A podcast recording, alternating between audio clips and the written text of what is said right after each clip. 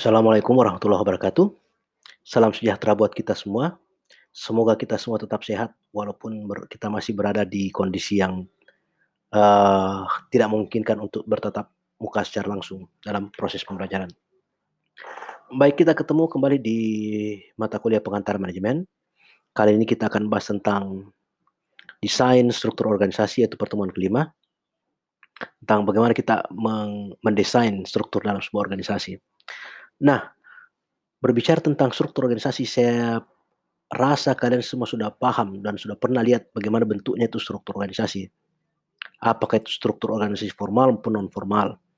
Baik itu mungkin di sekolah atau di lingkungan rumah. Anda sudah melihat bagaimana bentuknya. Ada ada um, garis-garis, ada yang menjadi bos, ada yang menjadi atasan, ada yang menjadi pimpinan, ada yang menjadi bawahan, ada yang menjadi supervisor atau pengawas. Nah, itu yang dibentuk dikatakan sebagai sebuah struktur organisasi. Nah, sekarang kita bicara tentang uh, teorinya. Nah, konsep dasar pengorganisasiannya itu adalah sebuah seorang manajer mengalokasikan seluruh atau semua sumber daya organisasi sesuai dengan rencana yang telah dibuat berdasarkan suatu kerangka kerja organisasi tertentu. Nah, kerangka kerja tersebut dinamakan sebagai sebuah desain organisasi. Nah, bentuk spesifik dari kerangka kerja organisasi dinamakan sebagai sebuah struktur organisasi. Struktur organisasi pada dasarnya merupakan desain organisasi di mana manajer melakukan alokasi sumber daya organisasi, terutama yang terkait dengan pembagian kerja dan sumber daya yang dimiliki organisasi, serta bagaimana keseluruhan kerja tersebut dapat dikoordinasikan dan dikomunikasikan. Nah, ini yang biasa mungkin kita lihat contoh dari bagian organisasi, ada direktur, manajer keuangan, manajer produksi, manajer pemasaran yang membawahi bagian penjualan dan bagian promosi, dan manajer SDM. Kasarnya seperti inilah bagian organisasi. Ada yang sesimpel ini, ada juga yang ribet. Dan ada juga um, pada saat sekarang ini, di mana semuanya tidak memiliki batas lagi, berkat teknologi, ada organisasi yang tidak perlu memerlukan struktur secara garis-garis seperti ini. Tapi tetap ada garis koordinasi. Jadi siapa melapor ke siapa, apa yang melakukan apa, itu yang disebut dengan uh, garis koordinasi tanggung jawab. Nah, di dalam pengorganisasian ada empat pilar. Yang pertama itu adalah pembagian kerja. Pilar kedua adalah pengelompokan pekerjaan. Pilar ketiga penentuan relasi atau hubungan antar bagian dalam organisasi. Dan terakhir pilar keempat adalah penentuan mekanisme untuk mengintegrasikan aktivitas antar bagian dalam organisasi atau koordinasi. Nah, kita masuk yang pertama yaitu pembagian kerja, division of work. Nah, pembagian kerja adalah upaya untuk menyederhanakan dari keseluruhan kegiatan dan pekerjaan yang telah disusun dalam proses perencanaan yang mungkin saja bersifat kompleks, rumit, menjadi hal yang lebih sederhana dan spesifik, di mana setiap orang akan ditempatkan dan ditugaskan untuk setiap kegiatan yang sederhana dan spesifik tersebut. Nah, kadangkala pembagian kerja di, kita sebut juga sebagai pembagian tenaga kerja. Tapi pada umumnya yang digunakan adalah pembagian kerja, karena yang dibagi-bagi adalah kerjanya, bukan orangnya. Nah, contoh dalam pembagian kerja, misalnya pembagian kerja dalam bisnis restoran atau warung. Pembagian kerja dapat uh, berupa pembagian kerja untuk bagian dapur, pelayanan pelanggan di meja makan, kasir, security, dan tukang parkir, uh, pemasaran online, dan lain sebagainya. Ini adalah uh, kerja yang kita bagi-bagi secara garis besar. Nah, terus yang kedua, kita masuk dulu ke uh, pilar yang kedua, yaitu pengelompokan pekerjaan. Nah, setelah pekerjaan dispesifikkan, maka kemudian pekerjaan-pekerjaan tersebut dikelompokkan berdasarkan kriteria tertentu yang sejenis. Nah, pengelompokan pekerjaan atau departementalis, departementalisasi pada dasarnya adalah proses pengelompokan dan penamaan bagian atau kelompok pekerjaan berdasarkan kriteria tertentu. Jadi ada kriterianya. Mungkin karena persamaan lokasi kerja, persamaan jenis kerja, persamaan skill yang dibutuhkan dalam uh, melakukan pekerjaan tersebut. Nah, di sini contohnya, pada bisnis restoran lagi, bagian pencatatan menu, pemberitahuan menu kepada bagian dapur, hingga pengiriman makanan dari bagian dapur kepada pelanggan di meja makan dapat dikelompokkan menjadi satu departemen atau satu bagian, yaitu adalah bagian pelayan. Ini adalah contoh bagaimana kita kelompokkan pekerjaan. Nah, pada gambar ini kita bisa lihat contoh-contoh pekerjaan yang akan dilakukan dalam bisnis restoran. Kita bisa lihat ilustrasinya bagaimana di sini terbagi ki pekerjaan-pekerjaan yang akan dilakukan terus kita masukkan ke dalam kelompok-kelompok yaitu kelompok uh, keuangan, kelompok pelayanan dan kelompok dapur.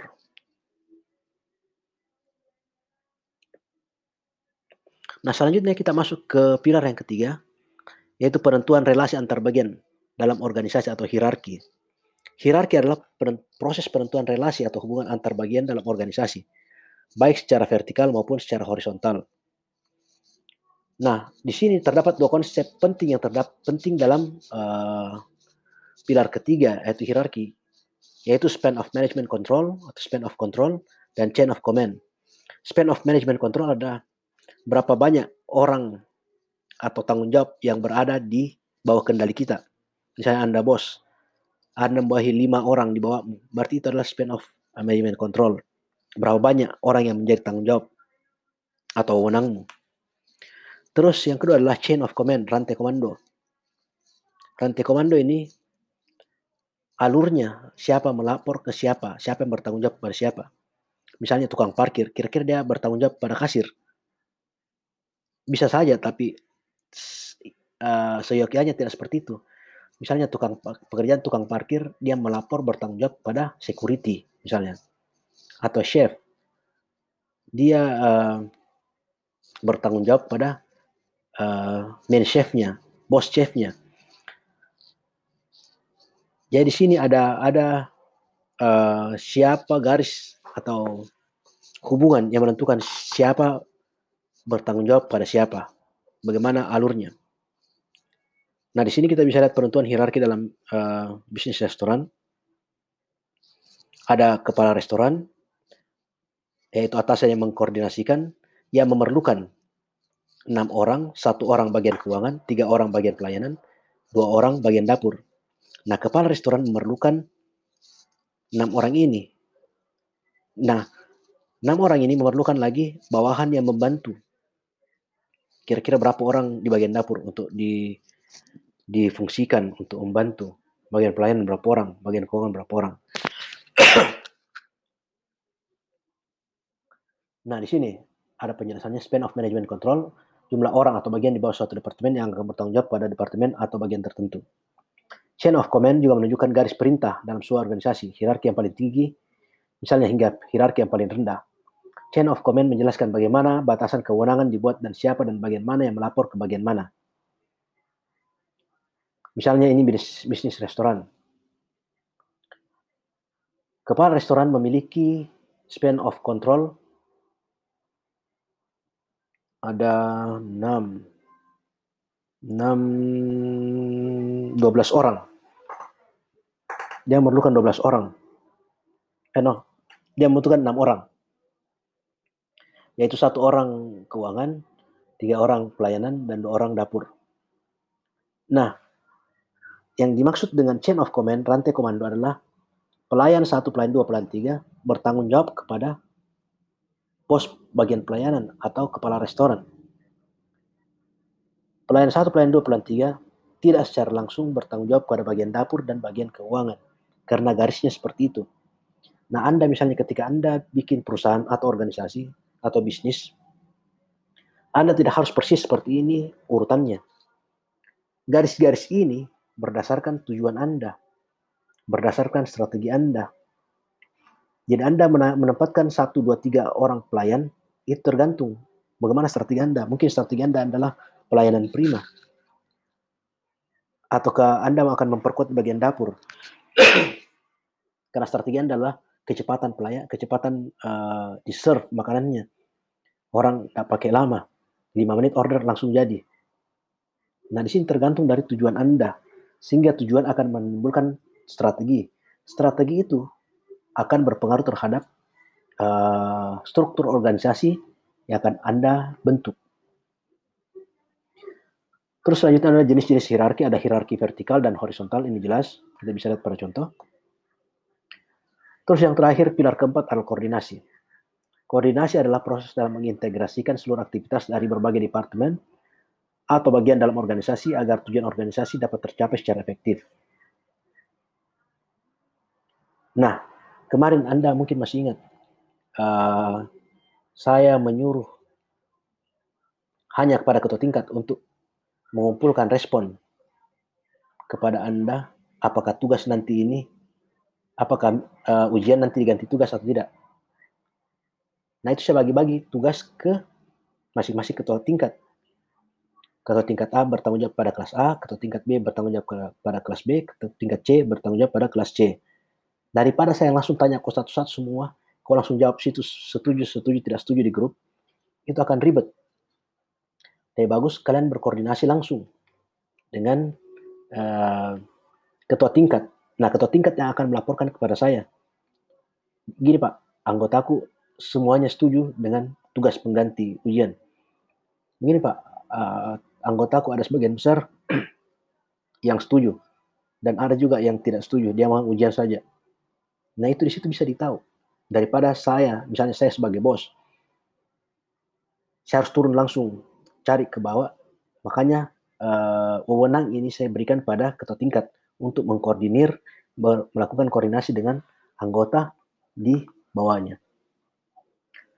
Nah yakin Konas apa yang saya lakukan di kelas uh, pengantar manajemen ini itu juga merupakan pembelajaran bagaimana uh, praktek dari uh, ilmu pengantar manajemen itu sendiri. Baik, uh, sekarang kita masuk ke faktor-faktor yang mempengaruhi struktur organisasi. Di sini dikatakan ada empat faktor.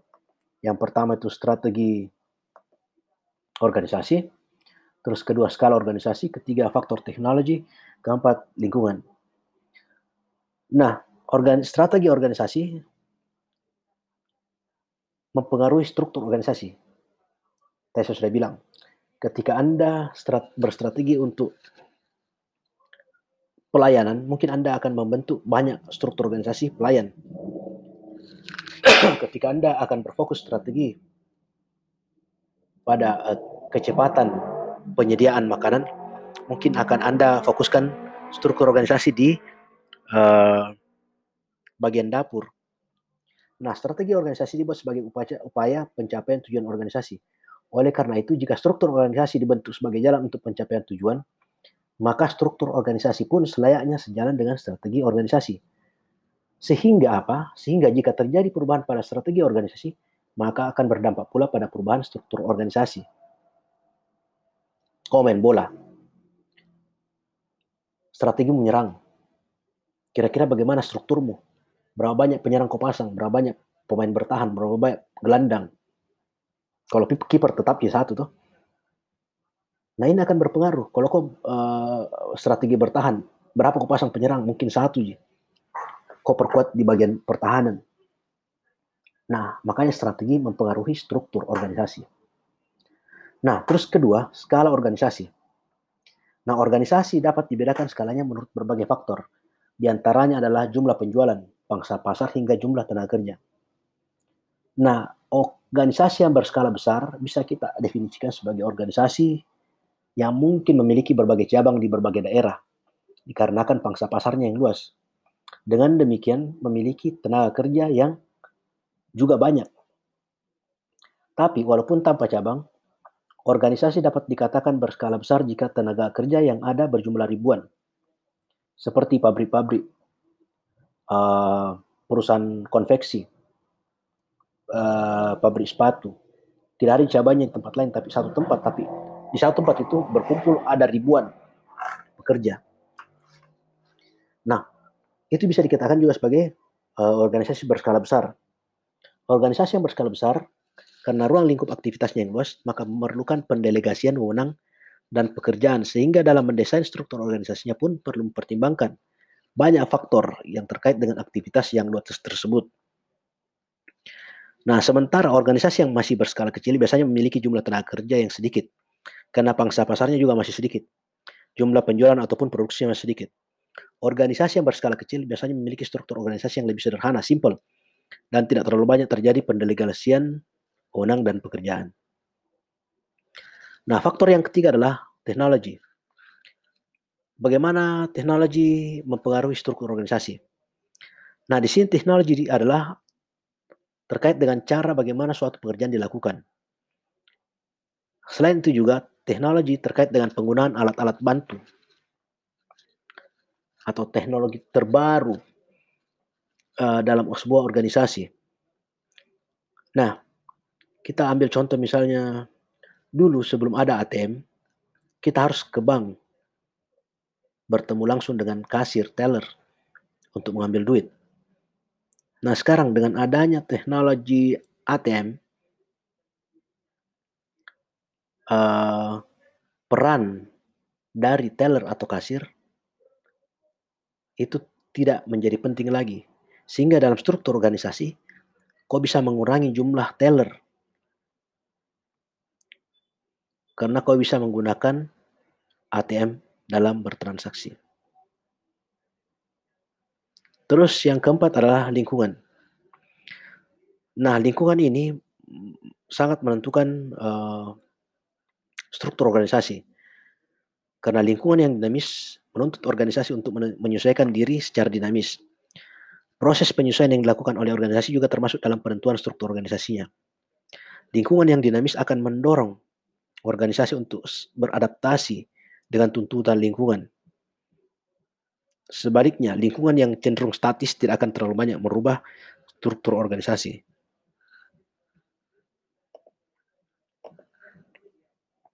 Nah, terus kita masuk ke beberapa pendekatan dalam departementalisasi. Di sini dibagi lima, yaitu berdasarkan fungsional, berdasarkan produk, berdasarkan pelanggan, berdasarkan geografis, dan berdasarkan matriks. Ini bisa kita lihat pada contoh. Ini jelas sekali uh, departementalisasi pembagian-pembagian berdasarkan fungsinya, berdasarkan produknya, berdasarkan uh, pelanggan, berdasarkan geografinya, dan berdasarkan matriksnya. Baik, uh, untuk uh, desain struktur organisasi saya rasa sudah cukup. Adapun hal yang masih kurang jelas dapat ditanyakan di grup WhatsApp. Uh, insya Allah kita bertemu lagi di episode-episode mendatang. Baik, uh, tetap jaga jarak, pakai masker, uh, berperilaku hidup sehat, dan tetap berdoa. Baik, wassalamualaikum warahmatullahi wabarakatuh.